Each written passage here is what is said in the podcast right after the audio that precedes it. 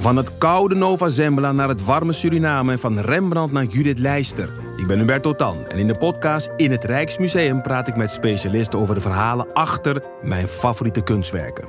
Nieuwsgierig? Beluister nu de nieuwe afleveringen. De strijd om de miljoenen van Siewert van Liende is losgebarsten. Zowel de staat als zijn stichting eisen de mondkapjeswinst terug. Maar dat die opbrengst in ieder geval niet thuis hoort bij Van Linde, daarover kan toch eigenlijk geen twijfel bestaan. Hoe kon het zo ver komen? Dit is het. We hebben beet. En als Siewert het geld teruggeeft, kunnen wij dit schandaal dan eindelijk loslaten? Je hoort het in de Mondkapjesmiljonairs, exclusief bij Podimo. Ga naar podimo.nl/slash mondkapjes.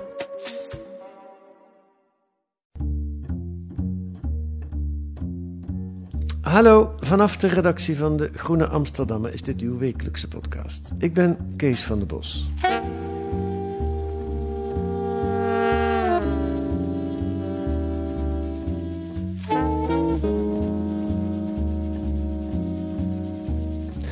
De kans dat China Taiwan gaat binnenvallen wordt steeds groter. Dat is een nog rampzaliger scenario voor de wereld dan de inval in Oekraïne door Rusland. De Verenigde Staten hebben al aangekondigd dat ze een inval van China niet zullen tolereren. Een derde wereldoorlog ligt in het verschiet. Dat is een scenario waar journaliste en China-deskundige Joan Veldkamp al maanden voor waarschuwt in haar artikelen in De Groene. Deze week ook weer. En daarom is ze vandaag te gast in de podcast. Welkom Joan. Hallo. Ja, hoe is dat om aankondiger van de derde wereldoorlog te zijn? Ze noemen het a geopolitical crisis hiding in plain sight. Dat vind ik een hele mooie uitspraak. Hoezo hiding in plain sight? Omdat je het eigenlijk kan zien aankomen en omdat mensen toch nog steeds denken: het kan niet waar zijn. Ja, net als bij de Oekraïne eigenlijk. Ja. En ook net zoals bij de overname van Hongkong door China. Ja. Ja. En ik zou heel graag willen dat ik hier niet zo stellig over zou hoeven te zijn. Maar juist door wat er in Hongkong gebeurd is en juist door wat er in Oekraïne gebeurd is, denk ik van oei, we moeten echt hier heel goed op gaan letten. Ja, ja. ja. En hoe serieus is het, die dreiging? Ik denk dat die heel serieus is. En dat komt vooral door de positie van uh, de Chinese president Xi Jinping.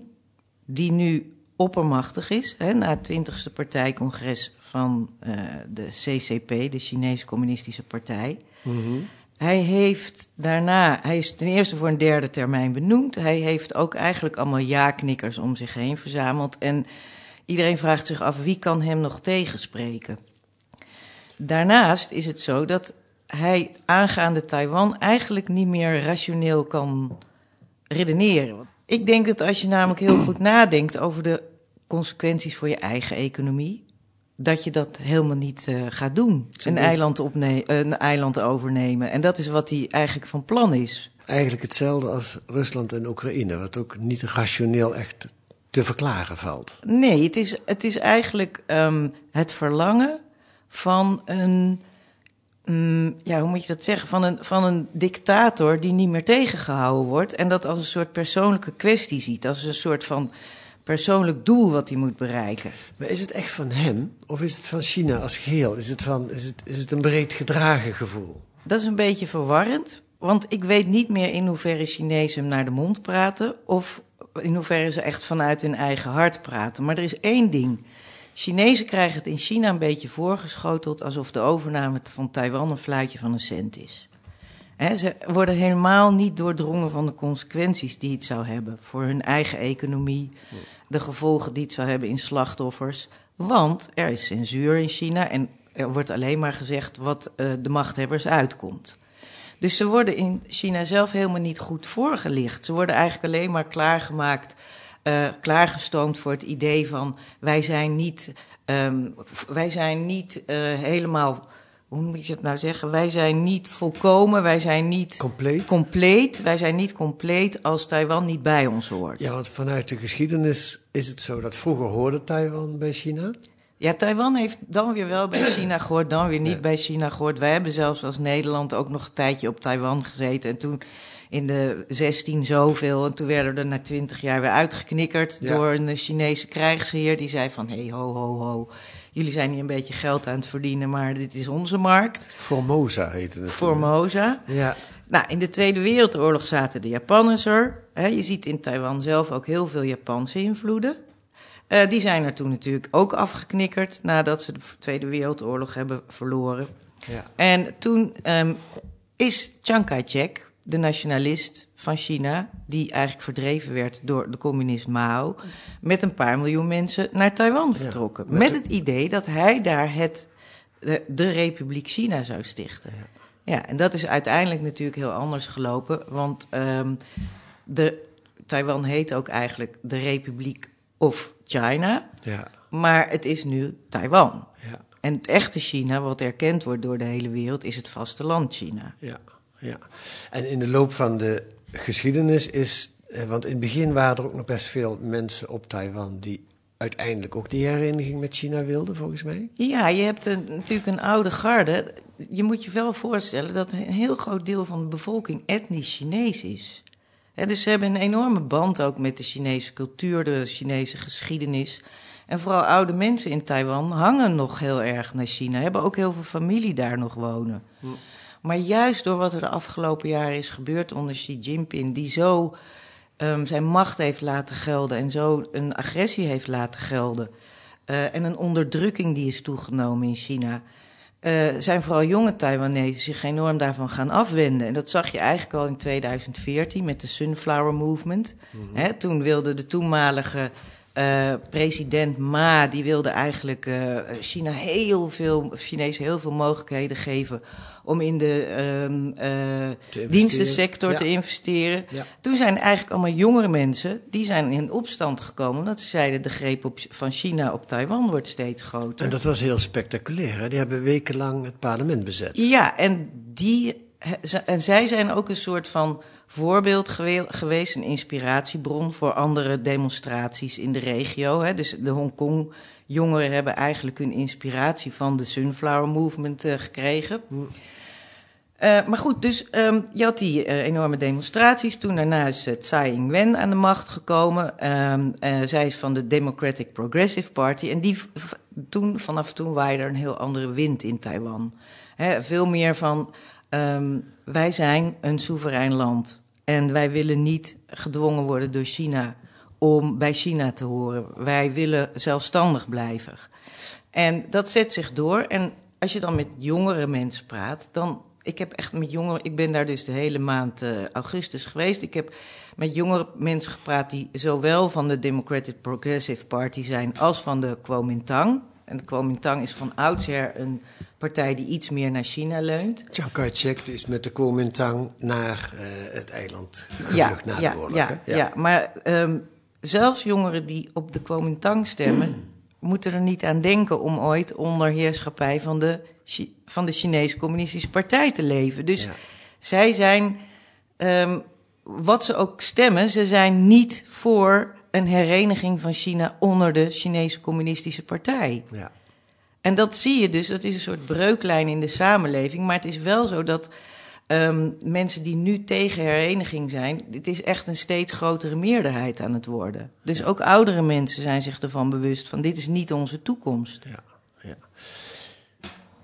Goed, gaan we zo over doorpraten. Ik wil het eerst tussendoor even over jou hebben. In de zin van, eh, hoe word je... Jij bent China-deskundige, je bent correspondent ook in Japan geweest. Hoe word je China-deskundige? Ehm, nou, door er eerst te gaan wonen. En ten tweede, het heeft me ook nooit meer losgelaten nadat ik er heb gewoond. Dus ik ben wel al een hele tijd terug in Nederland. Maar China is zo fascinerend in al zijn opzichten. En waarom ben je daar gaan wonen? Ehm, wij, met mijn gezin ben ik eh, naar Azië gegaan in 2005. Ik wilde heel graag correspondent worden. Mijn man kreeg via zijn werk een baan aangeboden in Japan. Nou, toen zijn we daar naartoe gegaan. Toen hebben we eerst vier jaar in Japan gewoond. Heb ik daar veel kunnen schrijven voor de Volkskrant. En toen kwam China voorbij.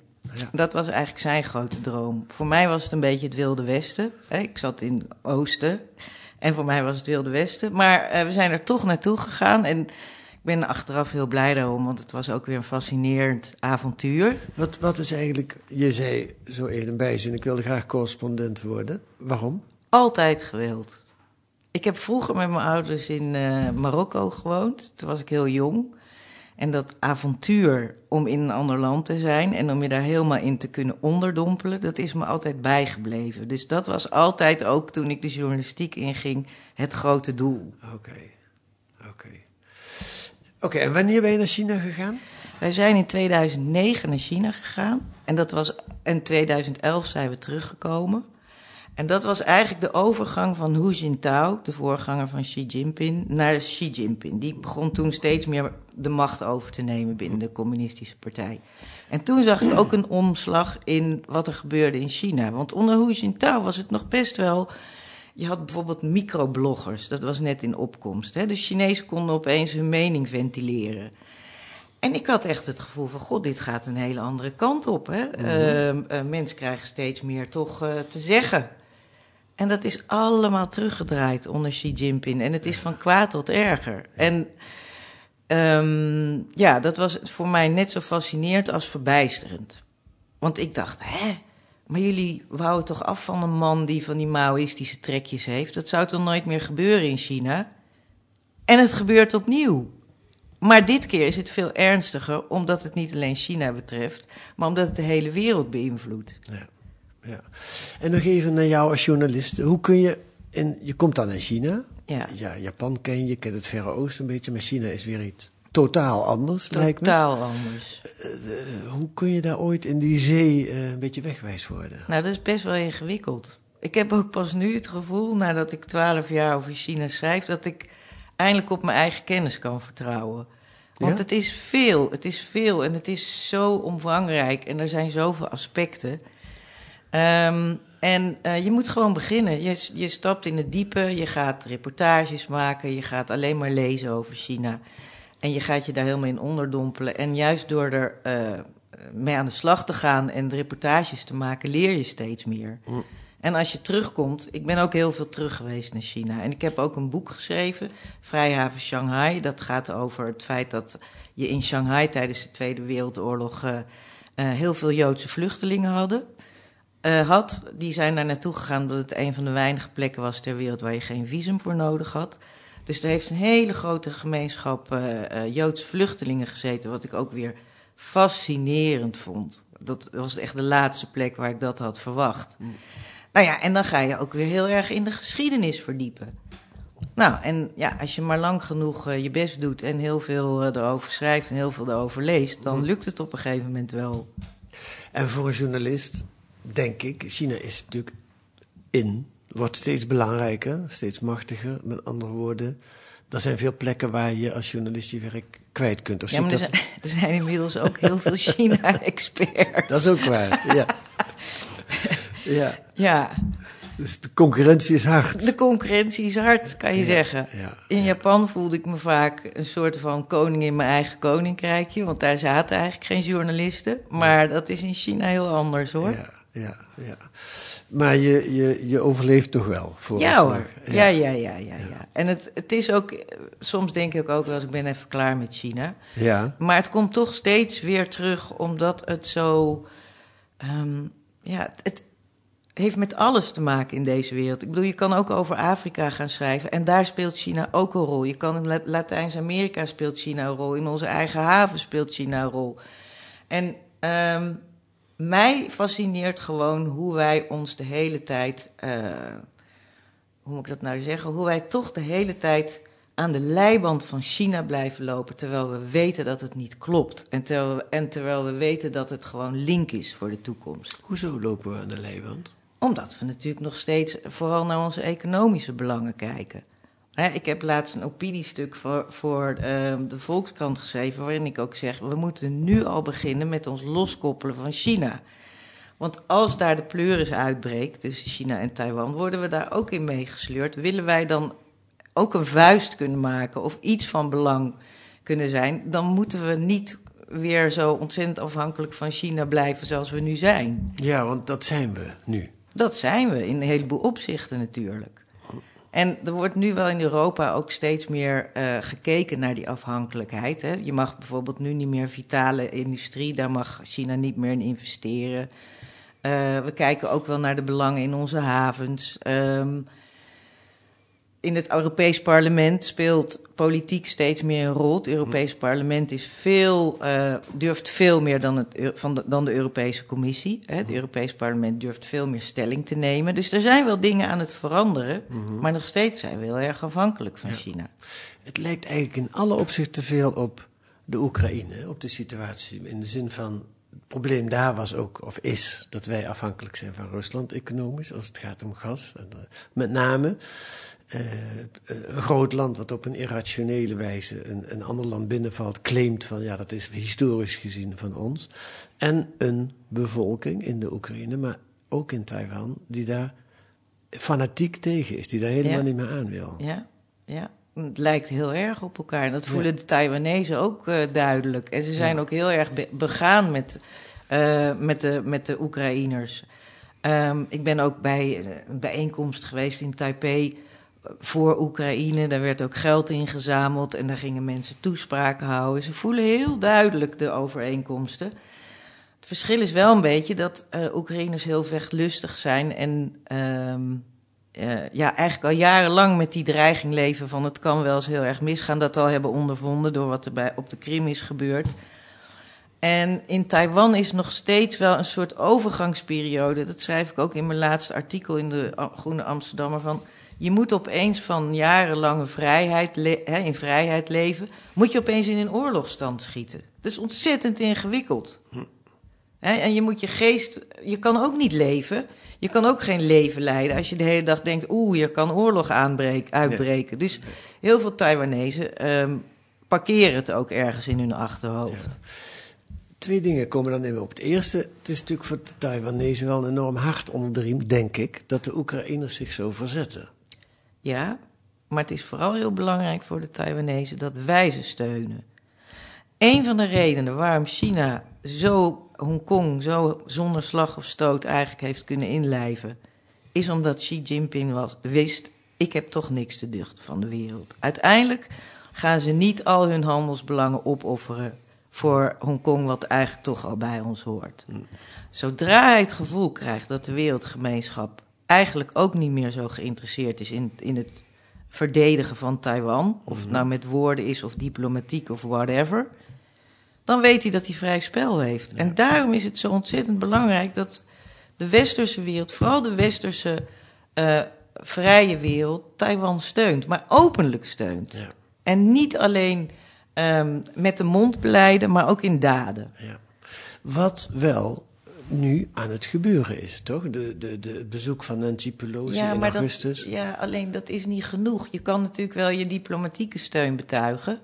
Maar we hebben nog steeds geen Taiwanese ambassades in onze landen. Want dat mag niet. Want we mogen Taiwan nog steeds niet als land erkennen. Nee, de laatste keer dat er problemen waren was toen Nederland duikboten aan, duikboten aan Taiwan wilde leveren. En nou, dat was, de wereld was te klein. Dat mocht ja, niet van China. Ja, ja, en nou heeft, uit, eh, heeft zelfs, nou heeft Litouwen is als eerste, hebben ze een Taiwanese Representative Office geopend. Die krijgen daar ook problemen mee, omdat China dan de handel met eh, Litouwen verbreekt, maar ook zegt tegen eh, bedrijven, westerse bedrijven in Litouwen, eh, we gaan ook de handel met jou verbreken als je daar niet vertrekt. Hè, dus er wordt, nou, lang verhaal kort, waar het op neerkomt is dat wij moeten ook handelsverdragen gaan sluiten met Taiwan. Ehm, we moeten ze ook gaan opnemen in internationale organisaties, zodat Taiwan toch steeds meer een rol speelt in de internationale gemeenschap. Dat zijn signalen dat Taiwan bij ons hoort. En dat we, het zullen, dat we Taiwan niet zonder slag of stoot eh, eh, aan China zullen overlaten. Maar dan wordt China boos op ons. Ja, nou dan wordt China boos op ons. Moeten wij dan ehm, eh, tot het einde der tijden bang zijn voor de woede van China? Ik bedoel, het lijkt wel alsof we op een schoolplein staan. Dan ga je toch ook niet de grote pester de hele tijd naar de mond praten. Dan ga je toch ook op een gegeven moment denken... Ehm, ik ga hier in op, tegen in opstand komen. Ik ga hmm. me hier niks meer van aantrekken. Hmm. We gaan weer even terug naar Taiwan. Dat vond ik ook wel mooi in jouw verhaal. En dat doe ik eerst aan de hand van een fragment. wat jij zelf gestuurd hebt. Luister.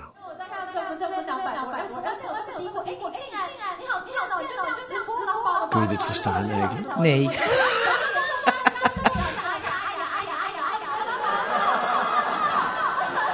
Waar zijn we? Ja, we zijn nu bij de Ken en Kylie Show.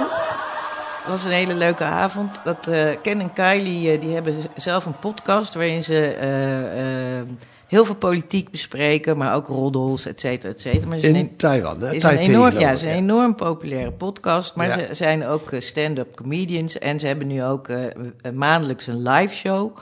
Of wekelijks, geloof ik, in een comedy club. En ik was aangenaam verrast, want ik was bij een avond van hun... waarop ze het ook hadden over die spanningen met China. Mhm. En die hele zaal zat vol jonge mensen. Ze hadden iemand, eh, ze hadden iemand uitgenodigd die ehm Kuomintangger is. Dus hè, van de partij die oudsher wel goede banden heeft met China. En het was zo'n verschrikkelijk leuke avond, want er werd en politiek besproken, maar er werden ook grappen gemaakt en grollen. En eh, er konden allemaal ehm, live ehm, reacties komen via internet en die werden dan ook voorgelezen. En alles kon op die avond, maar wat me vooral zo trof was de geëngageerdheid van het publiek. Want het ging toch over een heel erg politiek onderwerp. En dat zag ik heel erg in Taiwan. De geëngageerdheid van jonge mensen met politiek. Ook wel onder dwang, omdat ze nou eenmaal in een situatie zitten waarin het wel meer dreigend is dan wij in Nederland. Ja. Maar ze waren heel open. Ehm, alle meningen mochten worden gezegd. Er is veel humor. Eh, het is een ontzettend open samenleving. En ik kon heel veel parallellen trekken met Nederland eigenlijk. Hè. Klein eiland, Nederland een klein land. Eh, jonge geëngageerde bevolking. Er was ook ontzettend grote vrijheid op straat op het gebied van eh, homorechten. Je zag veel mensen, veel mannen hand in hand lopen. Mijn... Het is het eerste of misschien het enige Aziatische land waar het homohuwelijk is Ja, toegestaan. en mijn, ik heb een Nederlandse vriend daar wonen. Die woont samen met een eh, Taiwanese vriend. Die zegt ook, ik voel me eigenlijk vrijer in Taipei dan dat ik me in Amsterdam voel. Is het een beetje westerse maatschappij eigenlijk in die zin, wat de vrijheden betreft? Qua vrijheden is het absoluut westers. En qua, qua problemen is het absoluut westers. Ze hebben daar ook eh, grote problemen met huisvesting en met vergrijzing. En eh, te lage lonen vinden ze. En nou, dat soort zaken. Maar het is wel allemaal overgoten met een Aziatisch sausje. Ik, ik waande me daar in sommige buurten heel erg in China. En in andere buurten waande, waande ik me in Japan. Ja, dat vroeg ik me net af.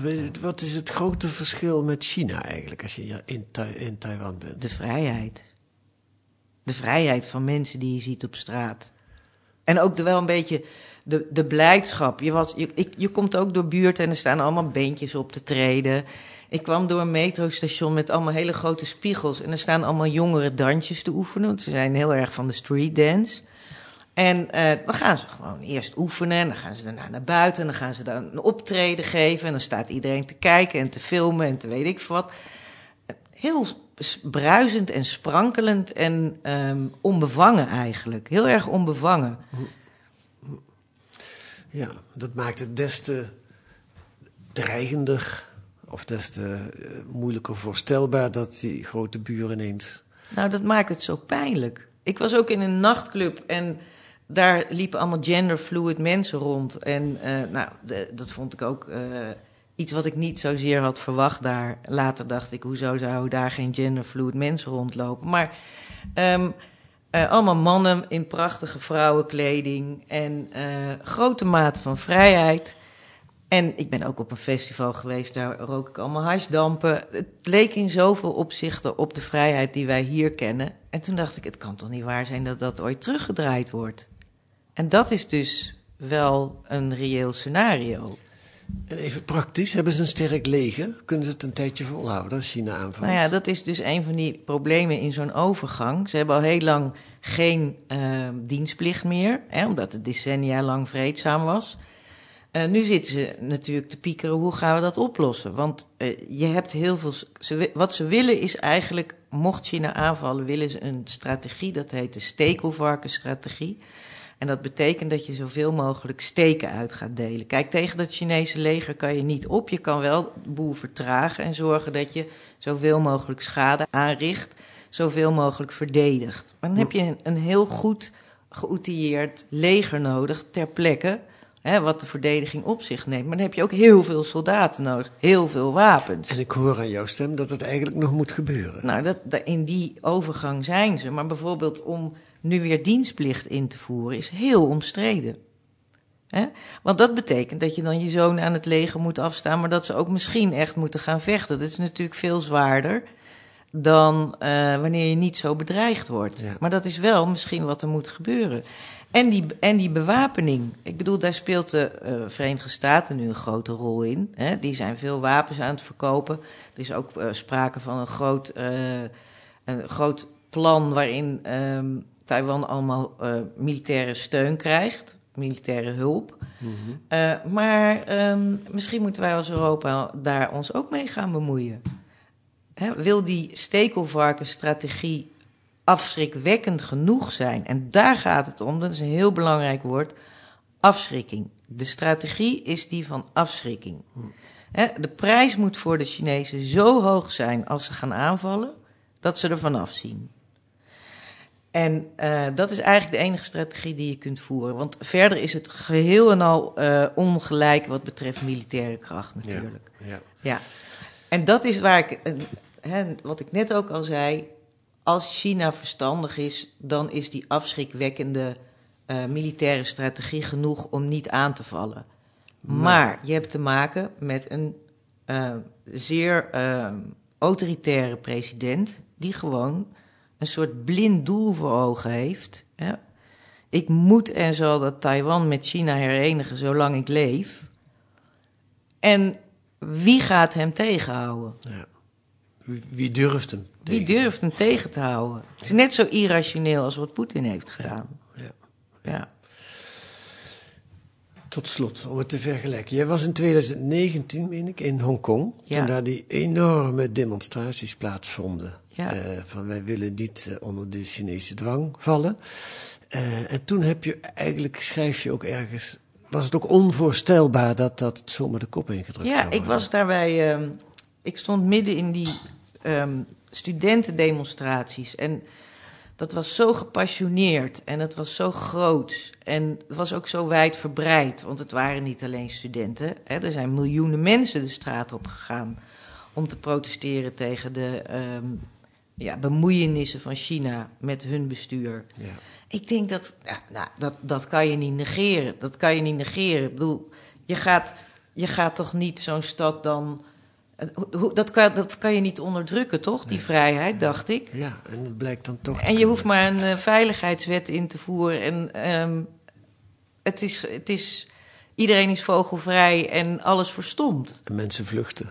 En mensen die echt, ik, hè, je hoort ook van allerlei jonge mensen die niet willen dat hun kinderen daar opgroeien. Want ook bijvoorbeeld op scholen er wordt het curriculum nu veranderd. Hongkong mag niet eens meer een ex-kolonie van Engeland worden genoemd. Alle vrijheden worden teruggedraaid. Ja. En ik dacht in misschien wel mijn grenzeloze naïviteit van... het is niet mogelijk, dat kan niet. Je kan niet zoveel de stem van zoveel mensen negeren. En wat ook heel bijzonder was in die, in die week dat ik daar was... Uh, had je verkiezingen, lokale verkiezingen. Die waren ook toch wel belangrijk in de zin van uh, wie gaat er winnen? De pro-democraten of uh, toch de mensen die meer naar China hangen. En de opkomst was, is nog nooit zo groot geweest. Echt jong, oud, rijk, arm. Ze stonden allemaal uren in de rij om te kunnen stemmen. Ik heb het echt met eigen ogen gezien. Nou, de uitkomst was, was echt. Um, de Democraten hebben nog nooit zo'n uh, uh, zo'n hoge um, uitslag gehad.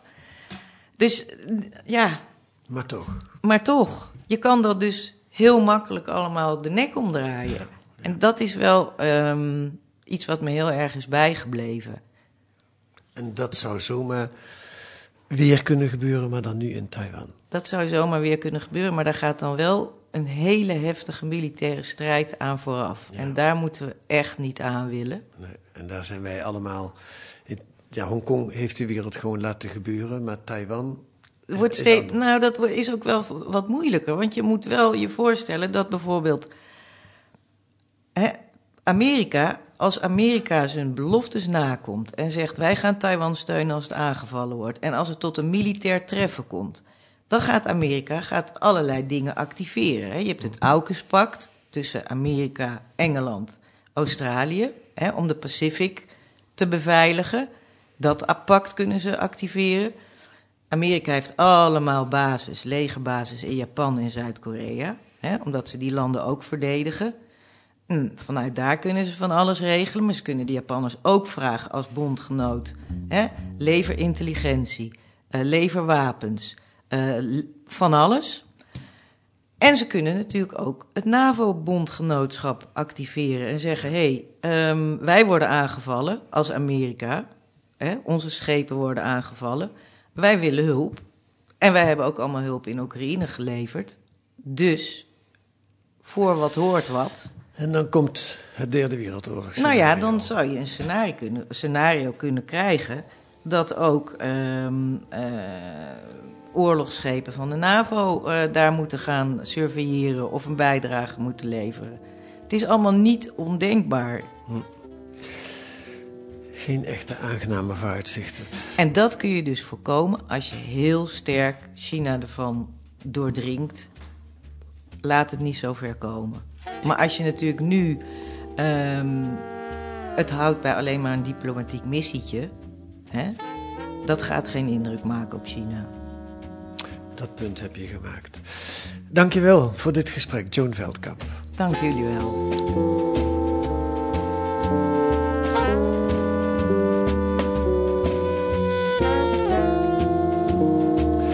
Wat staat er nog meer in de Groene deze week? Een essay van Eva Meijer over hoe Dante, Shakespeare en de kerk van de wolf een vijand maakten.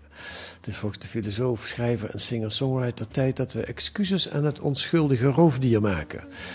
En een onderzoek naar een dodelijk vezel, asbest. Ondanks ver- verbod van 20 jaar geleden gaan er nog steeds veel mensen dood aan asbest-gerelateerde kanker. Dat kunt u lezen met een abonnement of een proefabonnement. Ga dan naar groene.nl. Daar krijgt u eh, informatie hoe u 10 weken de groene kunt krijgen voor 15 euro. U kunt reageren op deze podcast via de mail. Ons adres is podcast.groene.nl. En dan heb ik nog een bijzondere extra mededeling. Op 19 december kunt u bij de opname van deze podcast aanwezig zijn. In Pakhuis de Zwijger in Amsterdam nemen we op die maandagavond twee podcasts op. De Buitenlandse Zaken podcast met Rutger van der Hoeven. En ik neem een gewone Groene podcast op. Een interview met een auteur van een artikel in het eindejaarsnummer van De Groene. Maandagavond, 19 december, Pakhuis de Zwijger. Volgende week zijn we er weer met analyses en achtergronden bij het nieuws in deze podcast van De Groene Amsterdammer, die deze week werd gemaakt door Merwe Özdemir en Kees van der Bos. Ik spreek het goed uit, hè? Eh, Min of meer. De muziek is het Tune for N van Paul van Kemenade en tot volgende week.